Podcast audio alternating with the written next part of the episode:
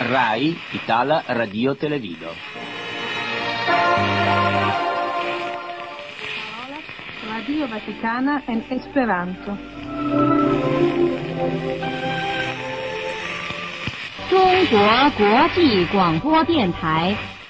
Cina Radio Internazia. Tiuchi sta Radio Havano Cubo, el gigante El Cubo. Libera territorio.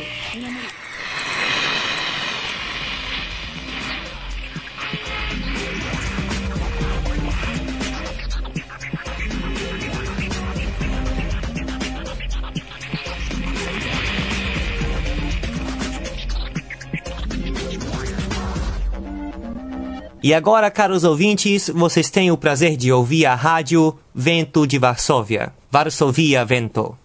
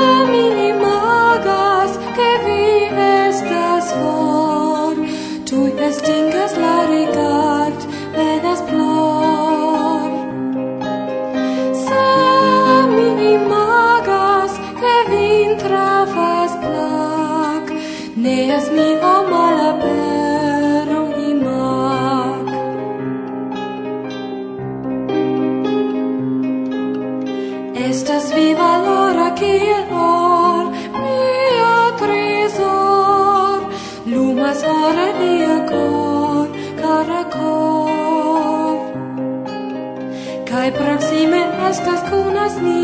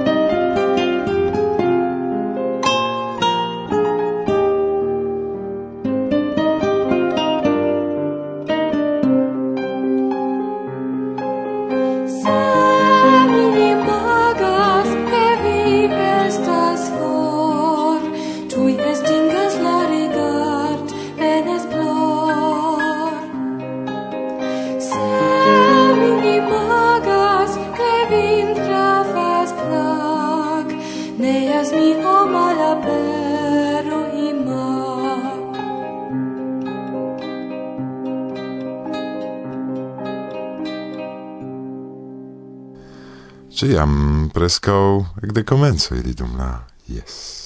Kaj ciam duope, Lena kaj Żenia. No, mm, akte ne ciam duope, mm, sed jes generale. Do, ili ŝate invitadis ciam muzicistojn kunludi, accompagnis in sur sceneje, mi vidis tion krom konataj muzikistoj ankaŭ Gaven, Kriĉo, eĉ Sebastian. Kaj Helmar vi pravas, la tri ancora ne cantanta bandano, quancam canti li capablas. Kaj ludi gitaron. yes. Sed eh, estas ancora la quara membro de la teamo, neniam videbla fakte sur sceneje. Kiu? Fire brigadisto Dieter. Fire brigadisto? Vere? Kun casco? Sen casco, tamen eh, fakte vera. La ezo de Lena, kiu ciam helpas porti instrumentoin, instali clavaron, ec prilabori technike la albumoin. Hmm, interesse Ĉu Kasiaho pri tio scias?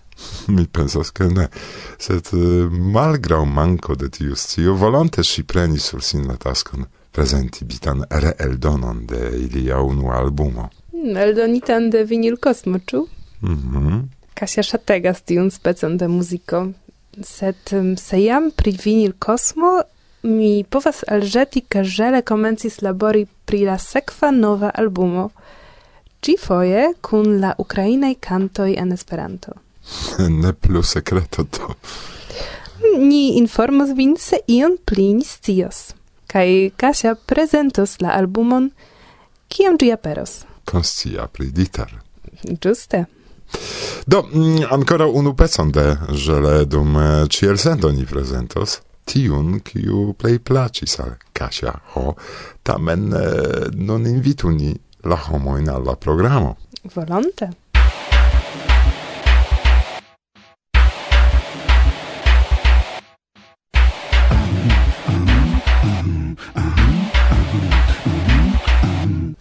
Saluton, carai. Saluton el ancorau tute ne printempa Varsovio. Foje neĝas, foje pluvas. Yes, yes, bedaŭrinde. Kaj kontaktiĝis kun ni Federico, kiu rakontis kiel gravas paroli pri Esperanto ankaŭ en la neesperantista medio. Li sendis al ni ligilon al filmeto, tamen ĝi ne estas en Esperanto. No, la aliuloj ne komprenas nian lingvon. Sed la ligilon ni metas. Rimarku gin en la priscribo. Eble vi ec interesidos pri kio temas. Kaj sekvos lian ekzemplon, simple. Mhm, ĝuste. Kaj se jam temas pri informado, kion vi pri la reklam kampanio de Etsuo Miyoshi? En Facebooko laste oni multe parolas pri tio. Tiun temon mi prezentos aparte dum daŭro de la elsendo. Kiel aparte? Ĉar Char Giuste pro interesigio pri tio, kion faras et suo mi decidis presenti al auscultantoi registritan iam interviuon kun li. Se malnova do gi ne estos aktuala? Eh, mi pensas che male, no mi gi tre aktualas, et sue verdire ne ŝanĝiĝis kaj daurigas tion, kion jam comencis. Cetere, en la interviuo li racontas pri si mem. Laumido valoras presenti la materialon porque homoi pli bone comprenu kialoin de lia activeco. Se tiel vi opinias, en ordo. Volonte ankaŭ mi aŭskultos tion. Kaj mm, kiam ni kolektis la enkondukajn temojn, vi notis diri iom pri kanto parado Mm, Ŝajne la lastan vi partoprenis? Yes, fakte. Kaj? Kai mi ne bedauras, ke mi dedicis tempon aligi alla virtuala evento. Mm, mi aŭdis, ke temas pri prezentado de kantoj. Jes, sed ne nur. Fakte la canto parado estas mojosa renkontiĝo kun geamikoj circa la muziko. Compreneble kerne temas pri furor listo. La partoprenantoi proponas cantoin, poste ili estas prezentataj, sekvas voĉdonado pri la plej plaĉa canto, sed Kio estas vere mojosa, la gvidanto klopodas inviti en la rondon ankaŭ artistojn, kies kantoj estas prezentataj por ke ili iom rakontu pri si mem kaj pri la prezentata kanto. Imagu ke laste estis Kimo. Kimo! Kiun kanton oni proponis? Sola, sola. Aha, ne temas do nur pri novaj kantoj. Ne, temas pri ĉiuj kantoj, kiuj estas plaĉaj por la partoprenantoj. Mm, interese. Yes. Ankaŭ mi rajtus ion proponi? Kompreneble. Suficias al igi la evento kaj pos interkonsento kun la gvidanto de la kantoparado sendi vian proponon, kio ne signifas, ke ĝi tuj aperos. Estas vico de kantoj, kiuj atendas. Klare, mi comprenas. Kaj eh, kio donas vere mojosan etoson, dume dauras kvazaŭ amika renkontiĝo de ciui, kun ciui, kiun subtenas la gvidanto. Cetere post fino de la oficiala parto eblas gis sato babili kun la aliaj. Bele, sed en mia laborejo multe da tempo mi sidas antau ekrano de computilo, kai mi ne scias ĉu mi eltenus tion. Fakte temas pri muziko, do vi povas aligi, observi, sed vi povas exemple fari ion, kion kutime vi faras dum auskultado de muziko. Mi rimarcis che parto de la aligintoi faris tiel, ancau mi momente, auscultante musicon, malaperis por prepari vespermangion. Interesse. Mm, la sekva canto parado estas post kelkaj tagoj, marde la dek kvinan de marto, ĉu? Jes, kaj ne io malhelpos volante mi partoprenos ĝin denove. Mm, mi komprenas. Nu bone, eble do ni anoncu en nia grupo eblon aligi alla cantoparado, por che estu pli facile alla auscultantoi, se nur ili havas tempon algi aligi. Anca en la priskribo ni povas prezenti la ligilon, ĉu? Bona ideo. Do, karaj, mm, kiel diras saggia proverbo, non stato paroli pli bone fari... Kion vi desiras nun fari? Inviti auscultantoi al nia programo. ah... Nome de la tuta redakcio do. redakcio de Varsovia Vento, compreneble? Deziras al vi agrablan auscultadon mm, de la cent sesdek kvarajam elsendo. Irek kaj Gosia. bla, bla. Bla. En la mondo venis nova sento. Bla, bla, bla. Lascia via vento bla bla bla la.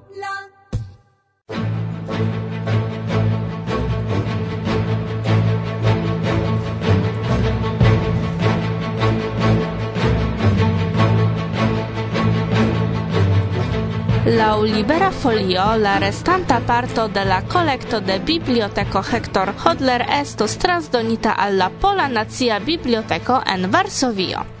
UEA kaj la Pola Nacia Biblioteko atingis principan interkonsenton pri la transdono de ĉiuj restantaj materialoj de la Rotterdama Biblioteko. Laŭ la kontrakto ĉiujn kostojn de pakado kaj transporto pagos la Pola Nacia Biblioteko. Do se la transdono okazos, kiu kiel kiu, sed nun ni, la redakcio de Varsovia Vento, havos tre proxime al tiuj kolektitaj dum jaroj libroj de UEA. Tamen ni ne scias, ĉu tio estas vere bona informo.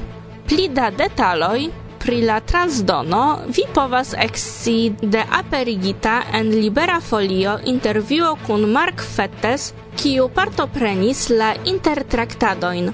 Ligilo en la priskribo kompreneble. Kun granda gioio ni ŝatus informi, ke la estraro de UEA unu anime elektis Tanzanion kiel kongreslando por la jaro 2024. La centnaŭa uko okazos do la unuan fojon en Afriko. En Arusho, konata turisma urbo pro proximeco de Kilimanjaro. Ankaŭ la klimato pro proximeco de tiu plej alta en Afriko monto estas amika por homoj kiuj ne tro eltenas varmegon, Pli da informoj kun la fiksitaj datoj aperos certe baldaŭ. Facebooke ni trovis maltrankvilan informon de la franca esperantisto Robin, kiu demandas Ĉu vi sciis, ke la kursoj de Esperanto por la hispanaj, francaj kaj portugalaj parolantoj ne plu estas troveblaj en la nova versio de Duolingo? Li starigas krome la demandon Ĉu tio estus maskita cenzuro kontraŭ Esperanto? Lerni Esperanton en la nova versio de Duolingo oni povas nur se oni konas la anglan. Tamen tiuj, kiuj enskribiĝis en la kursojn pli frue, plu rajtas daŭrigi la lernadon en la malnova versio. Kaj nun alia demando. Ĉu existas eblo protesti por ke oni povu denove lerni Esperanton pere de la hispana, franca kaj portugala ankaŭ en la nova versio?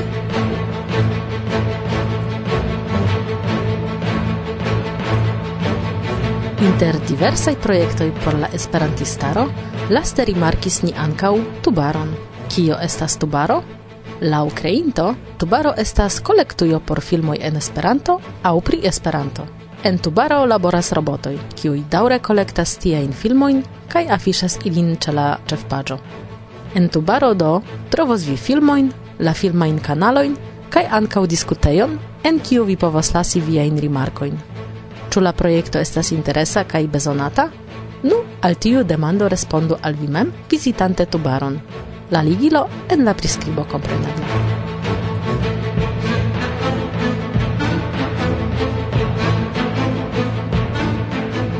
Inter senpagaj revuoj en Esperanto troviĝas ankaŭ UNESCO Kuriero, la ĉefa eldonaĵo de la organizo.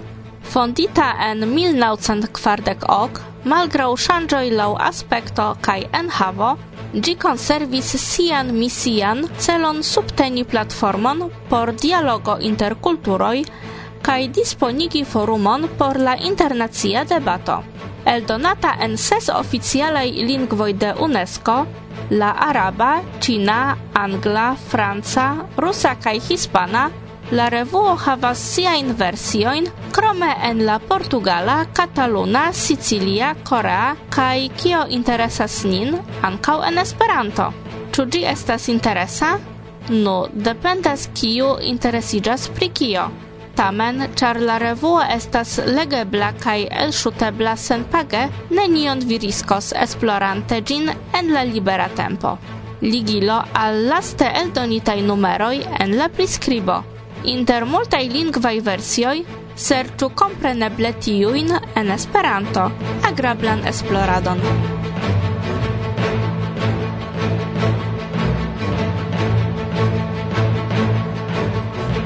Konata inter esperantistoj revuo La Ondo de Esperanto en 2010 komencis krei virtualan libroservon de bitigitaj libroj, legeblaj forme de podofo kaj EPUB dosieroj. En ĝi, laŭ prezentita de la redakcio informo, nun vi trovos dudek senpagajn bitlibrojn, du aĉeteblajn bitlibrojn, elŝuteblaj por konatiĝo kiel proflibroj kaj sep numeroj de La Ondo de Esperanto. Interesiĝu, se vi ŝatas legi. La ligilo en la priskribo.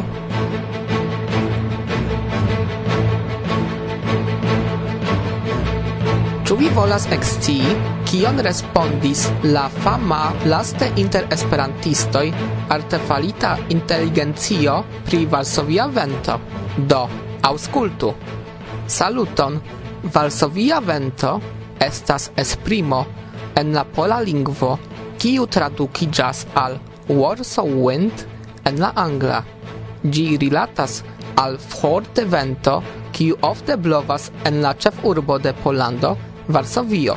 La Varsovia vento estas konata pro sia potenco kaj rapideco, kaj ĝi povas kaŭzi malagrablaĵojn, kiel ekzemple levanta polvon kaj detruante objektojn. En la lastaj jaroj la Varsovia vento ankaŭ estis menciita kiel faktoro, kiu influas la kvaliton de la aero en la urbo, kontribuante al la malkresko de la mediekvilibro. Sed bedaŭrinde ĝi forgesis aldoni bla bla bla. Se vi deziras scii kion GPT respondos al via demando, mem provu ligilo en la priskribo.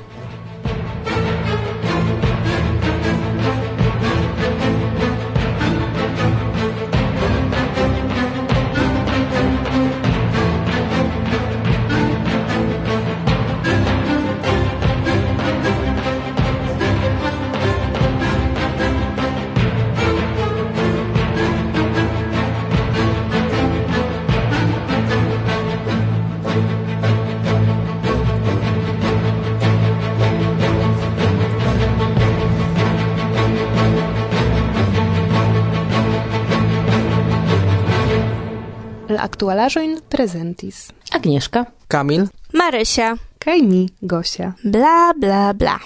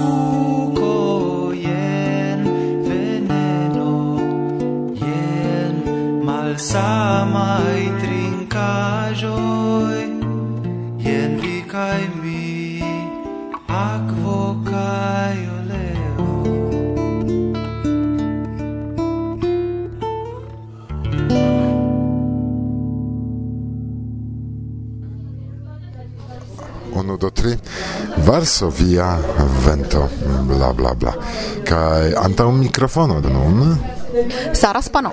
Saluton. Do, laste mi vidis anoncen, che vi estis premiita, sed pro kio? Eble vi klarigu tion. Um, do, dankon. Fakte tio komencigis pli malpli antaŭ unu jaro kaj iom. Uh, do mi gajnis la trian premion pasintjare kadre de la belartaj konkursoj de UEA ne la kategorio prozo, fakte ĝenerale mi verkas prozon, kaj ĉiare mi gajnis kaj la trian kaj la unuan premion, do evidentiĝis ke mi gajnis ankaŭ la unuan premion egalmerite cadre de concurso kiu estas subtenata de Podlahie Esperanto Libraro kaj Bialistoka Esperanto Societo. Do ne kredeble ĉar ĉiam mi vidis vin eh, kaj trovis vin bona kvazaŭ instruistino, vi tre bele prelegis kaj tre sugeste, sed eĉ en penson neniam aperis ĉe mi ideo ke vi povas verki. De kio tio venis ĉe vi? De infaneco? Ankaŭ en infanĝardeno vi jam komencis fabelojn verki? Do, danko pro tiu ĉi demando. Mi esperas ke la respondo ne estos tro longa aŭ tro teda, sed eh, mi mi tre ŝatus paroli pri tio. Do, fakte dum mia infanaĝo mm, pluraj homoj provis kuraĝigi min. Uh, mi memoras ke ekzemple miaj plej amataj geonkloj donacis al mi belegan uh, ruĝan skribmaŝinon Olivetti kaj per tio ili instigis uh, efektive ke mi mm, verku kaj ke mi provu racconti, ĉar en tiu tempo mi estis ankaŭ sufiĉe lerta rakontanto, sed bedaŭrinde mi estis ĉiam tre tre tre bremsita rilate al miaj emocioj kaj al miaj sentoj. Uh, fakte post pluraj pluraj jaroj pro la pandemio mi verkis efektive mm, rakonteton kaj mi partoprenis por la unua fojo en la Bialistoka literatura konkurso kaj do mm, mia verko ne estis io parte speciala, estis simple mm, mia taglibra paĝo pri la sento kiu mi travivis, pri la malfacilaĵo kiu mi spertis. Tio efektive ricevis mm, honoran mencion, kiu estis jam granda rezulto, sed la redakcio de Beletra Almanaco, mm, liaj plej famaj kaj prestiĝaj literaturaj revuoj en Esperanto, fakte mm, sen averte kaj sen ke mi konsciu pri tio, do interkonsentis kun organizantoj kaj la eldonintoj de la mm, Bialistoka novelaro, eh, kaj eh, eltiris mian eh, tiaman verkon kaj publikigis ĝin en Beletra Almanaco sen ke mi estu informita. Do tio estis kompleta surprizo ankaŭ por mi. Kaj mi estis tiom mirigita de tiu mm, estim uh, manifestiĝo ke mi sentis min aparte kuraĝigita de tio. Sed mi pensis ankaŭ tio okazis en uh, 2021 fakte, ĉar la rezultoj de la konkurso oni eksis fine de 2012, sed mi sentis min tiom kuraĝigita ke mi volis provi, sed ĉar mi havas, mi diras tion sufiĉe ofte, mi havas sufiĉe fortan obsedon pri trejnado kaj pri edukado, mi volis eduki min kiel verkemulon fakte, ne vere verkistinon, tio estas eble tro, sed mi volis che tio aspectu almeno professi nivele, do se ne complete professie, sed almeno professi nivele, kai do pro tio mi aligis al mia unua curso pri vercado, reta, kai dum tio anche evidentigis che i bonaj kontribuoj, estis bonaj i kai tiel plu kai mi mm, fakte daŭrigas laŭ tiu vojo, char mi pensas che eh, do sendepende ciu io i già sposte parto de via professio simile do ni devas fari tion bone kai lerte do pro tio mi volas lerni kai eduki min eh, lau tiu cipado. Tu Ĉu vitale itale vi verkas aŭ nur esperante? Eh, do mi pensas che Esperanto estis tre utila por mi por malblokigi char uh, mi sentis che en lingvo che ne estas mia denaska lingvo mi havas iomete pli da vantaĝo ĉar ekzemple miaj gepatroj aŭ miaj parencoj aŭ conato e ne povas ehm, recte ali aliri tion do ti tiu kiu ne parola esperanto char mi havas plurajn conato kompreneble chi estas esperantisto sed eh, mi sentis mina parte bone char mi sentis min shirmita ekzemple della familio o de homo kiu iam conis min uh, de pluraj jaroj. Uh, do Esperanto certe estas mia unua verkolingvo ĉar bar in gji mi sentas min vere komfort mm, ankaŭ pri esprimiĝo de mie emozioni eh, Tamen mi anche verkas itale, do en mia denaska lingvo, kaj anche verkante vercante la itala mi gajnis premiojn en konkursoj. Okazis che mi gajnis mm, duan premion kadre de konkurso organizzata kaj subtenata de mm, eh, simpatianto al Esperanto kaj lastatempe mi gajnis la unuan premion pri konkurso pri 333 mallongaj rakontoj. Kiu verkisto Au verkistino impresis vin ca iomete eble puŝis, che anco vi klopodu? Ĉu vi celas en Esperantujo, ekster Esperantujo, ambaŭ? Generale. Generale.